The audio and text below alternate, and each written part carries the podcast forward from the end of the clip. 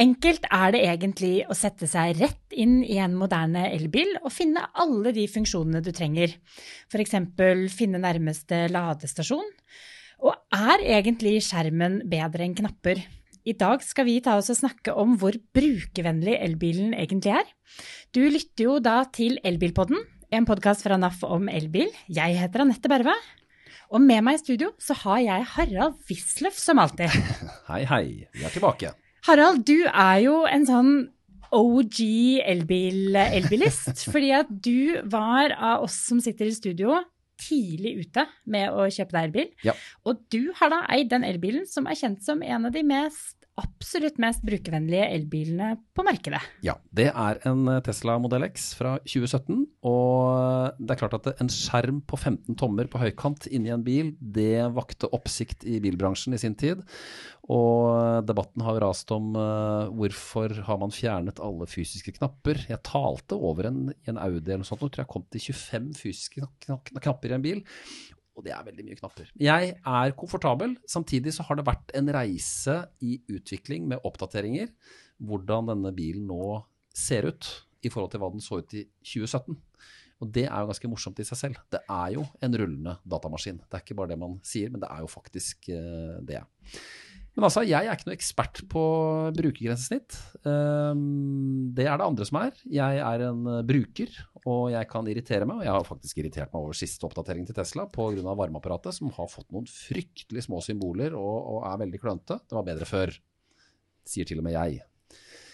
Vi har hanka en ekspert, vi som eh, har sterke meninger om dette. Eh, med oss i studio, Tina Mordal. Du er UX-designer i Klave og jobber for oss i NAF. Velkommen til deg. Tusen takk. Og så først og fremst UX-designer. Det er sånn buzzword for oss som jobber i den bransjen her. Hva er en UX-designer? Ja, det er jo det store spørsmålet, og det er også det spørsmålet jeg får hver gang jeg blir spurt hva jeg driver med. Uh, UX-designer skal egentlig ta vare på brukeren av hva det kan være. Uh, for meg så er det da digitale flater. Eh, så jeg skal passe på at ting er brukervennlig. At det er enkelt å forstå.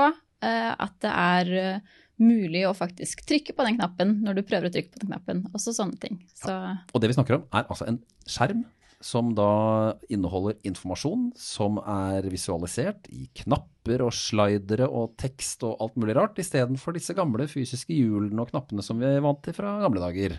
Det stemmer. Ja, og hva er liksom the holy grail, hva er liksom eh, godt brukergrensesnitt?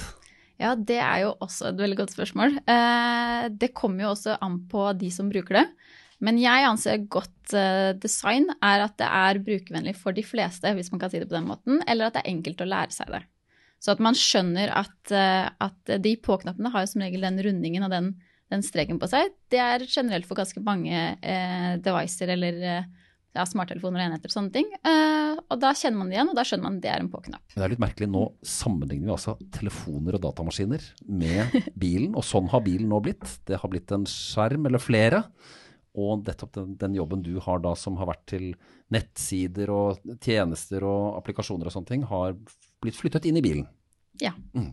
det stemmer. Men hvis vi da tar og snakker om bilen, for hva er det som i så fall, eh, i så fall skiller seg ut, og hva kjennetegner i så fall et eh, godt brukergrensesnitt i en, eh, i en, bil, og da spesielt en elbil? Ja, Det man først må se på en bil, er jo at en bil er jo en bil selv om det er en elbil eller en fossilbil, og den skal gjøre de generelle primære funksjonene, altså ta deg fra A til B. Og da trenger man jo ratt, gass, brems, også sånne ting.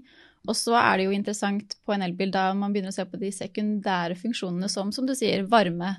Hvordan man skal skru på av varme, og hvordan skal navigasjonssystemene se ut og sånne ting. Det er jo der de kanskje skiller seg, fordi eh, de er hakket mer moderne enn de gamle fossilbilene vi kjenner til.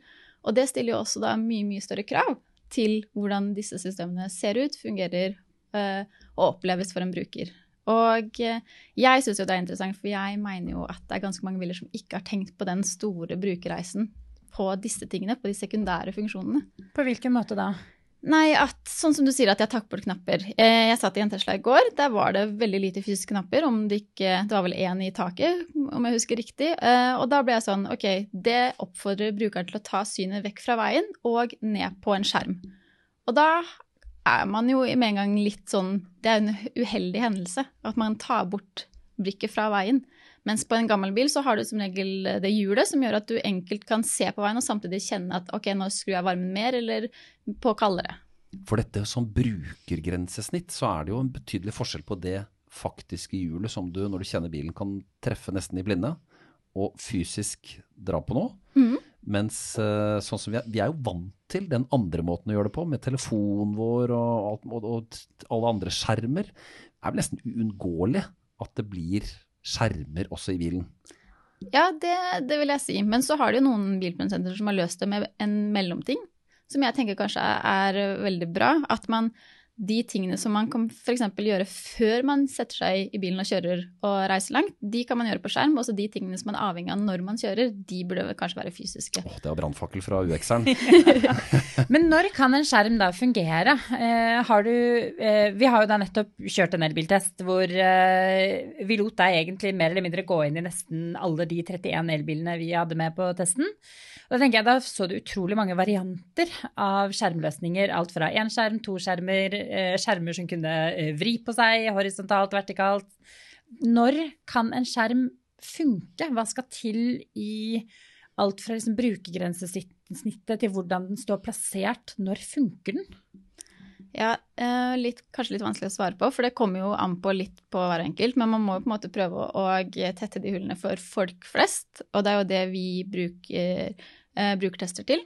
Eh, og det er jo litt vanskelig å si hvor mye brukertester har en bilprodusent gjort på sine biler. Eh, så, og så er det som jeg sa tidligere, at du må liksom bruke eh, ting som er gjenkjennbart, som du, du har sett før. At, eh, at en menypunkt kanskje det står meny da, istedenfor bilde av en bil, som jeg har skjønt Tesla har bytta til nå. Er bildet av en bil er det forståelig nok til at det åpner en helt stor meny, eller er det vanskelig å forstå? Og så er det vel det at bilprodusentene, for mange er dette helt nytt. Det at man skal lage en brukeropplevelse på en skjerm, og du ser vel, du som har sett eh, disse 31 bilene vi hadde med i testen, at det, her er det mye bilingeniører som har satt seg ned og febrilsk forsøkt å lage et brukergrensesnitt som er forståelig, og så greier de ikke ordentlig. Det er helt riktig. Og vi har også opplevd at det er flere biler som er fra samme fabrikk, som har ulikt grensesnitt. Og for eksempel, vi testa kanskje den bilen som jeg likte best, det var EQS-en. Den som Mercedes, kom- altså. Yes, Mercedes, EQS. Eh, den har jo ekst jeg vil si at den har ekstremt godt brukergrensesnitt. Den har en stor skjerm, som er en kjempefordel, selvfølgelig. Og så gir den den, informasjonen du trenger eh, der og da. Som vi søkte bl.a. på ladestasjoner. Sa at vi skulle kjøre til Mo i Rana, ganske langt. Ok, hva, hva er det som gjør at jeg kommer fra her jeg er nå, til Mo i Rana? Jo, da må man stoppe på x antall ladestasjoner, og da viste den det. Hvor lenge du må lade, hvor langt du må kjøre mellom. Og den på en måte planlegger ruta for deg og er et veldig godt hjelpemiddel.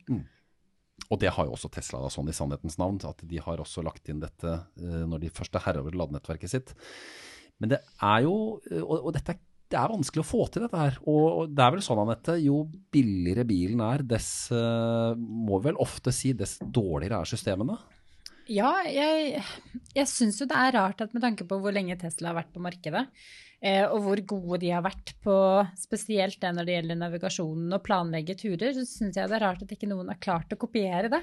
Om ikke noe annet, da, så skamløst kopiere det eh, til man klarer å finne ut av det selv.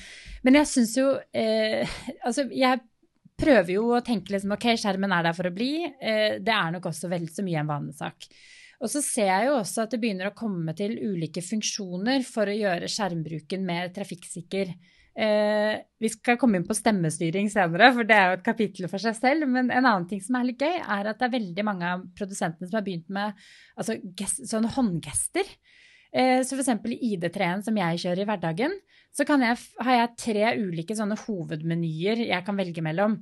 Og når jeg kjører, så kan jeg velge mellom de ved å vifte med hånda. Så jeg liksom vifter til venstre, så flytter menyen seg til venstre. Eh, og den funksjonen den syns jeg er litt artig. Samtidig så vet jeg også at jeg ser utrolig dum ut når jeg sitter i køen. For det er jo ikke alltid jeg klarer å vifte, for det er ikke alltid den registrerer bevegelsen. Og så fant jeg ut at BMW iX3 eh, der kan du stille lydnivået på, eh, på radioen med å bruke en sånn sirkelbevegelse med hånda. Så hvis sirkelbevegelsen går liksom til venstre, så går det høyre. Så skrur jeg opp volumet, og så ned andre veien. Og så skifter du sang ved å ta tommel til venstre eller tommel til høyre.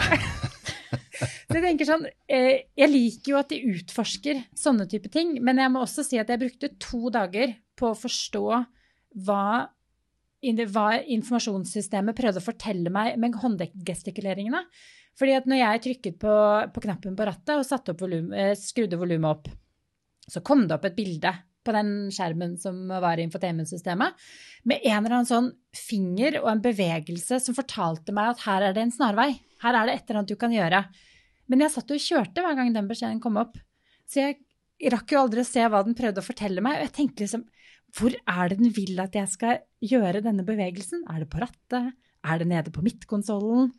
Og så plutselig så gikk det opp et lys da etter to dager på veien at aha, det er foran skjermen.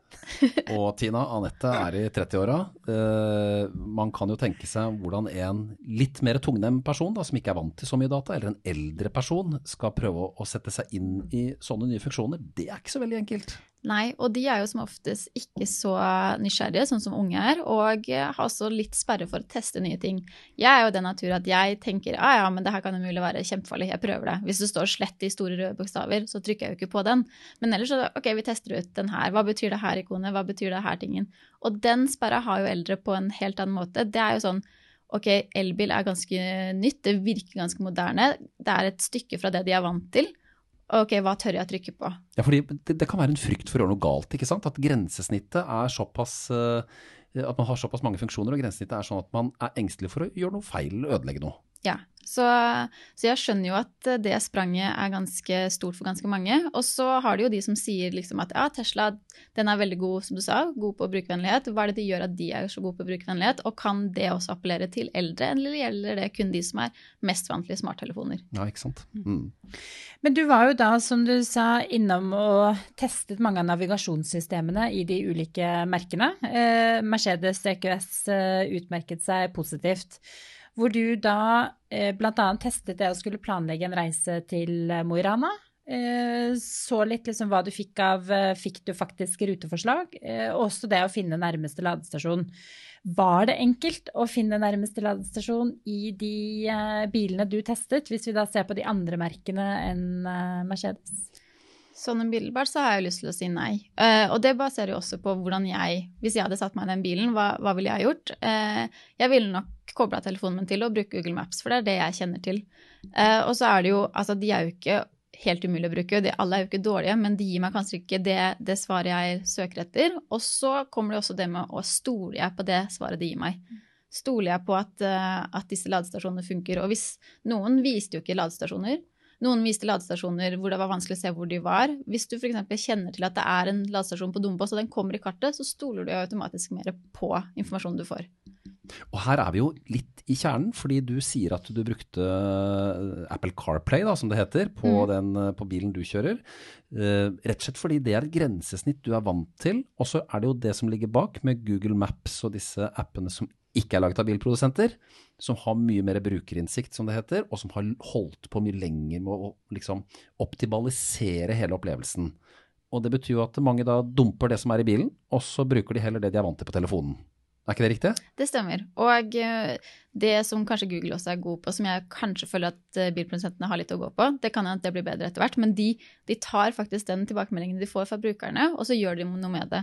Og det virker som det er litt vanskeligere på, på en elbil, men så har de som du sa, du har jo oppdateringer, så de tenker jo tydeligvis på det. Men det er jo begrensa hvor fort de kan rulle disse tingene også. Uh, og uh, ja, Google Maps, det, det, kjenner man til, så det er man liksom trygt å bruke. Uh, men man mister jo også noen funksjoner i bilen. F.eks. For forvarming av mm. batteri, som er på flere biler. Det, det kommer jo ikke opp. Og det samme med sånn head up display som noen biler har også. Hvis jeg bruker Jeg prøvde det i den skålen jeg kjørte. Hvis, hvis jeg putter inn Google Maps, så vil jo ikke det kartet komme opp der, for det er jo ikke en, såpass integrert. Nei, ikke sant. Nettopp. Jeg har akkurat samme opplevelsen i ID3-en. For der har den en sånn Den har en veldig kul sånn LED-stripe eh, foran i fronten som eh, pulserer til høyre eller pulserer til venstre når jeg nærmer meg avkjørselen jeg skal ta. Og den funker jo når jeg har plottet inn destinasjonen i navigasjonsanlegget som er integrert i bilen. Men hvis jeg bruker Google Maps, eh, som er det jeg foretrekker, da får jeg det opp i head-up-displayet. Men jeg får det da ikke opp i det pulserende lyset. Mm -hmm. Så du velger liksom alltid, du velger alltid bort noe. Og du var jo inne på akkurat det jeg tenkte jeg skulle si, at uh, forvarming av batteriet eh, skjer jo kun idet du plotter inn uh, ladestasjonen som en, en, destinasjon. Men da er jo også problemet hvis ikke du får opp den ladestasjonen du faktisk vil til. og spesielt da det å filtrere og finne fram til lynladere. For det opplever jeg ofte at det er ganske vanskelig. Ja, det, det, var nok ganske vanskelig når vi kjørte den navigasjonstesten også. Og så kommer det jo også an på hva, hva er det navigasjonssystemet kaller disse laderne, og hva er det vi anser de som. Jeg har jo snakka med flere når det kommer til elbil som ikke har fletta på hva lynlader er og hurtiglader og sånne ting. Eh, og da er det sånn, hvordan skal man da vite at man plotter det inn i, i GPS-en eller navigasjonssystemet, og det er dit man kommer. Og, og så har man jo også den aspektet om at man kanskje ikke akkurat kjører 100 der GPS-en sier. Hva er det som skjer da? Vil den forvarme på et annen stasjon, eller vil det stoppe? Eller, ja. Så da, det handler litt om tillit også. Og så, mens vi snakker om da hva som står på displayet, før vi gikk i sending her, så jeg er jo en sånn språknerd. og eh, det som ikke er noe tvil om, Tina, er at det er veldig mye dårlig norsk på disse navigasjonssystemene. Fryktelig mye dårlig språk. Hva, hva er det som skjer når man, når man, skal oversette noe sånt? Hva, hva er det som går feil? Det har jo veldig mye med hvordan språkene er bygd opp. Eh, norsk og engelsk kan ligne på mange steder, og så er det ulikt på andre steder. F.eks. du snakka om at, eh, at eh, navigasjonen kan si at du skal ta til venstre kontra keep left. Det, jo, det, er, det, sier jo det samme, men det sier det på mye kortere måte på engelsk, som er kanskje litt viktigere når man skal ta av en avkjørsel, enn på norsk. Og det er jo et eget fag som heter UX-design, som altså da skriver tekster som er forståelige. Så eh, ja, det er ganske mange biler som eh, men, men, men, her eh, er det rett og slett fordi man har dårlig tid, antageligvis, og, og, må ut i markedet med dette, og så blir liksom oversettelse til mange, mange språk det blir litt sånn stemoderlig behandlet? Det må jo være noe sånt som er feil her? Ja, det vil jeg jo tro. Så vil jeg jo tro at det ikke har F.eks. jeg hadde jo tenkt at ok, hvis man skal lansere en bil i Norge, så vil man ha noen som kan norsk, og gå gjennom alle oversettelsene for å se er det er det forståelig. Det, det, det steget tror jeg de skipper ganske ofte. Ja. Ja, og der begynner det da å bli mismatch mellom søkeordene du i så fall skal plotte inn, hvis ikke du har noen hurtigikon for å finne nærmeste ladestasjon. For da har du jo lynlading, eh, har jeg sett i mange av navigasjonssystemene, er high speed charging, eh, gjerne HSP. Eh, så da blir det litt sånn, ja, skal jeg søke etter HSP Dombås? Eh, jeg har jo lyst til å kanskje plotte inn Ionet i Dombås, men det ligger ikke inne som Ionet i Dombås, det ligger inne som noe helt annet. Og da er vi over på stemmestyring. For det er, jo, det er, jo det neste kapitlet. For da har du tenkt ok, jeg orker ikke å plotte inn så utrolig mye. Eh, jeg sitter og kjører uansett, så det kan jeg ikke gjøre. Det er trafikkfarlig. Jeg prøver stemmestyring. Eh, og da er jeg først nysgjerrig på bruker dere selv stemmestyring i hverdagen? Jeg har nå, for å ta det med språk, så har jeg da overhodet ikke endra til norsk språk. Har, jeg har ikke det på noen device. Alle er på engelsk. Og min Tesla er også på engelsk, for der er språket ordentlig. Nå er ikke Tesla så dårlig til å oversette, altså, så det, det fungerer nok. Men stemmestyringen kjenner igjen norsk stemme. Uh, og, så da kan jeg kombinere det språket jeg syns fungerer best på systemet, og med norsk tale. Den svarer ikke på norsk, men jeg får opp Jeg kan snakke på norsk. Ring Anette. Og så får jeg opp de Anettene, da, som tilfeldigvis er ganske mange i telefonlista, og så kan jeg velge hvilken Anette. Uh, og jeg syns det fungerer. Jeg prøvde nå senest i helgen å skru av varmeapparatet. Uh, og det kommer da opp som tekst, det jeg sier. Og det fungerer ganske bra. Ehm, nå har Tesla jobbet en, eh, noen år med, med, dette med stemmestyring. Ehm, men, men, men, stemmestyring er jo fortsatt premature greier på mange, mange tjenester, eh, Tina? Absolutt, og vi testa det en del på de bilene som vi hadde tilgjengelig. Og det er mye ymse. Det er ekstremt mye gebrokkent norsk ute der, altså. Det, det, høres jo helt gærent ut. Og det gjør jo til at du ikke stoler på det den svarer. Fordi du tenker oi, den her har jo ikke peiling på norsk, det her gidder vi ikke. Og så har du noen som er eh, veldig gode på det. Eh, jeg mener å huske at Nion i hvert fall har jo til og med en sånn liten robotdame oppi, oppi dashbordet, som ja. da kanskje gjør at det virker litt mer naturlig. Da føler du at du faktisk prater til noen. Og så som du sier, så står det akkurat hva du har sagt. Det tar jo for så vidt blikket vekk fra veien, men da ser du at ok, den oppfatta det jeg ville den skulle oppfatte. Så det tenker jeg på en måte er bra UX igjen. Men vi må jo si stort sett så er mye stemmestyring fortsatt god underholdning, eller veldig irritasjon. Og så er det også dette eh, feedback-stemmen, hvis man har det på norsk, er også veldig dårlig. Da til venstre etter 200 meter. Hvorfor er det sånn på norsk og så veldig fint på engelsk? Det har nok med innspillingen å gjøre, og det veit man jo. Jeg også bruker engelsk på min. Jeg har stemmestyring for å skru av på lys og, og timer og sånne ting. Jeg går for engelsk. Det høres bedre ut, det er enklere. Og så er det også litt morsomt å tenke på at i Norge har vi jo dialekter. Det, Ja, det har vi. takler jo ikke disse stemmestyringene så veldig bra. Nei. Eh, Jeg ville jo for eksempel sagt hvis jeg skulle navigere hjem, så ville jeg sagt jeg skal hjem igjen. Ja, for du er fra, Jeg er fra Hadeland. du er fra Hadeland, ikke sant? Og der er det hjemme igjen. Der skal man hjem igjen til Ja. middagen. Ja. Jeg tror ikke du kommer hjem igjen. Jeg tror ikke jeg kommer hjem igjen. Jeg er veldig spent på hvor jeg hadde kommet igjen.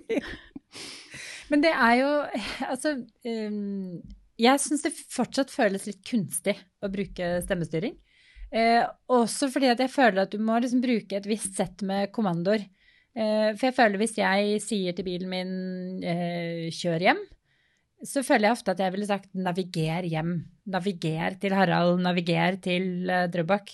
Og det er en kunstig måte å skulle si ting på. Jeg føler ofte at du også må lære deg et sett med kommandoer uh, for at uh, stemmestyringen skal fungere. Og da, da føles det jo ikke naturlig. Da føles det jo ikke naturlig. Nei, da blir det på en måte som en du blir en robot sjøl, nesten. Og vi prøvde jo det å ta sånn Finn hurtiglader, Finn lader når vi testa, og så sier jo bilen at den finner ingenting. Og så har vi jo testa med å, å bruke tastaturet først, og så vet vi at den finner det, men da må du si 'finn elektrisk lader til bilen', eller 'finn lader til elektrisk bil'. Og da er jo poenget litt borte, når du må liksom ha nesten et ark med kommandoer som du må Ha med deg ordbok. ha med ordbok som du må lære deg. Jeg må jo si at den, eh, den Nion, jeg må jo nevne at den, den roboten eh, Nomi, som jeg mener å huske at den heter, den er litt sånn Jeg klarer ikke helt å bestemme meg for om den er artig, eller om den er litt creepy. Jeg syns det er creepy. Altså. Ja, jeg fordi at det er idet noen setter seg inn i passasjersetet, så snur den seg jo mot den personen. Ja. Akkurat som en litt sånn Hvem er du? Og for den som ikke vet det, så er dette et lite, en liten kule, et hode på dashbordet som, eh, med øyne som kan eh, snu seg etter hvem som måtte sitte, eller hvem som prater. Så er det en kinesisk bil, da, så kan vi jo begynne å konspirere. Men eh, Det er akkurat det. Men hva tenker du, hvis vi skal gå liksom litt inn for landing på dette her med godt brukergrensesnitt, eh, hva tenker du liksom er de enkle grepene som egentlig bilbransjen kunne tatt for å bare få opp brukervennligheten et par hakk? Ja, det jeg umiddelbart tenker på, er jo når vi testa, så måtte vi anta ganske mye. Og det er jo litt skummelt i bilbransjen. Så kanskje prøve å bruke, se hva er det andre bruker av ikoner, hva er det de bruker av, som du sa, språk. At har det vært et tydelig språk, så er det jo mye enklere. De fleste skjønner at det står navigasjon, det er navigasjon, men om det står kart, ok, er det det samme som navigasjon, eller får jeg bare opp kart og sånne ting. Eh, og så tenker jeg også umiddelbart at de må se liksom på hele på hele brukerreisen. Altså hva er det en bruker skal gjøre for å komme fra A til B, og hva er det liksom gradere funksjonene de trenger. Da de viktigste tingene må være lett tilgjengelig. Eh, Jeg veit i hvert fall på eh, Kia EV6-en så får du opp en sånn merkelig sånn hjemskjerm som bare viser en bilen også noe sol og temperatur eller et sånt noe. Men så må du sveipe for å komme til menyen. Er det et godt valg? De fleste trykker vel på den skjermen fordi de vil ha en funksjon. Kanskje det skulle vært så det er liksom sånne ting. Se på hva man trenger, hvor skal man plassere ting. De nærmeste tingene burde være nærmest eh, føreren, og de som ikke er så viktige, kan være litt lenger bort og sånn. Så det er rett og slett å bare se på liksom, arbeidsområdet til en fører, og hvor man skal plassere ting. For det er jo et arbeidsområde. Det ordet likte jeg. ja, det var, det var godt ord. Arbeidsområde er det jo faktisk. De knappene og hjulene vi hadde før, er eh, omgjort til et arbeidsområde på en skjerm. Og jeg ser jo nå at uh, man burde ansatt flere UX-ere i bilbransjen, kanskje. For det kan vel hende at det går, er en viss kamp i, hos bilprodusentene mellom ingeniørene i hvit frakk og, og de som har greie på dette med brukergrensesnitt. Ja, og så er det jo utfordring også nå med at man UX-designer jobber ofte på digitale flater, og så er det noe som går på produktdesign, så produktdesignere, som handler om mer sånn, ja, som knappene og fysisk ting. Og blant annet det jeg la merke til når jeg satt i alle bilene, at det er ganske mange biler som har flat skjerm. Hvorfor er ikke den eh, vendt mot føreren? For det er jo den som skal ha primæroppgavene og skal gjøre de. Og så har du også det med at det kommer sol inn, hvordan påvirker det når skjermen er helt pal. Så ja. Noen UX-designere og noen produktdesignere burde Tina er tilgjengelig for en prat, hun. Ja, og for dere som ser dette her på Facebook og andre steder, så må dere gjerne kommentere altså, hva dere selv syns er bra eller dårlig med din eh, bil. Um, men vi må jo si, Tina, som fagmann, fagkvinne, så en generell dom over det, de 31 bilene, ikke 100 Nei. Uh, kjør på med Apple, Apple CarPlay og Android Auto, så blir de fleste fornøyd. Nettopp. Det var den klare dommen. det, det var klart tale. Det var veldig klart tale. Bra biler, men her er det et sted å gå. Men så har man jo faktisk muligheten da med over the air, altså at bilene faktisk kan oppdateres, så man kan gjøre noe med det. Det er jo trøsten, da. Det er kanskje det kule med de nyere, mer moderne elbilene. At eh, de ser at eh, de lærer av brukerne sine og gjør eh, forbedringer, eller ikke forbedringer, det kommer jo litt an på. Men de fleste gjør jo at det blir bedre å bruke bilen. Og det er kanskje også en ganske stor forskjell fra en vanlig fossilbil med bare kjedelige knapper. Ja. Jeg har lært masse om eh, design, UX-design. Det, det, jeg vet i hvert fall hva jeg skal tenke på neste gang jeg setter meg inn i neste bilen vi skal eh, teste. Prøv skjermen. Det, prøv skjermen. Ja, Og for deg som skal kjøpe bil, ta en titt på den skjermen. altså Se om det er noe som uh, fungerer for deg. Uh, og syns ikke du at det funker, så uh, må man gjøre noe. Og så har vi fått sånn fin knapp i studio nå. Vi mener jo med over the air update, så er det lett å gjøre noe med det. Så da trykker vi bare Rett og slett. Det er ikke så vanskelig å få gjort noe med dette her, når man kan oppdatere bilen. Vi uh, går inn for landing i Elbilpodden. Du kan abonnere på denne, elbil, denne podkasten i alle kjente podkastapper. Du kan se og høre oss på Facebook, og du kan se og høre oss på våre egne nettsider. Vi er på Instagram også. Eh, på Facebook er vi NAF Elbil. Eh, vi er tilbake om 14 eh, dager, håper vi, etter en god vinterferie for dere som har det. Og i mellomtiden så får du bolte deg med gamle episoder av Elbilpodden i tillegg. Så ses og høres vi. Ha det bra. Ha det godt.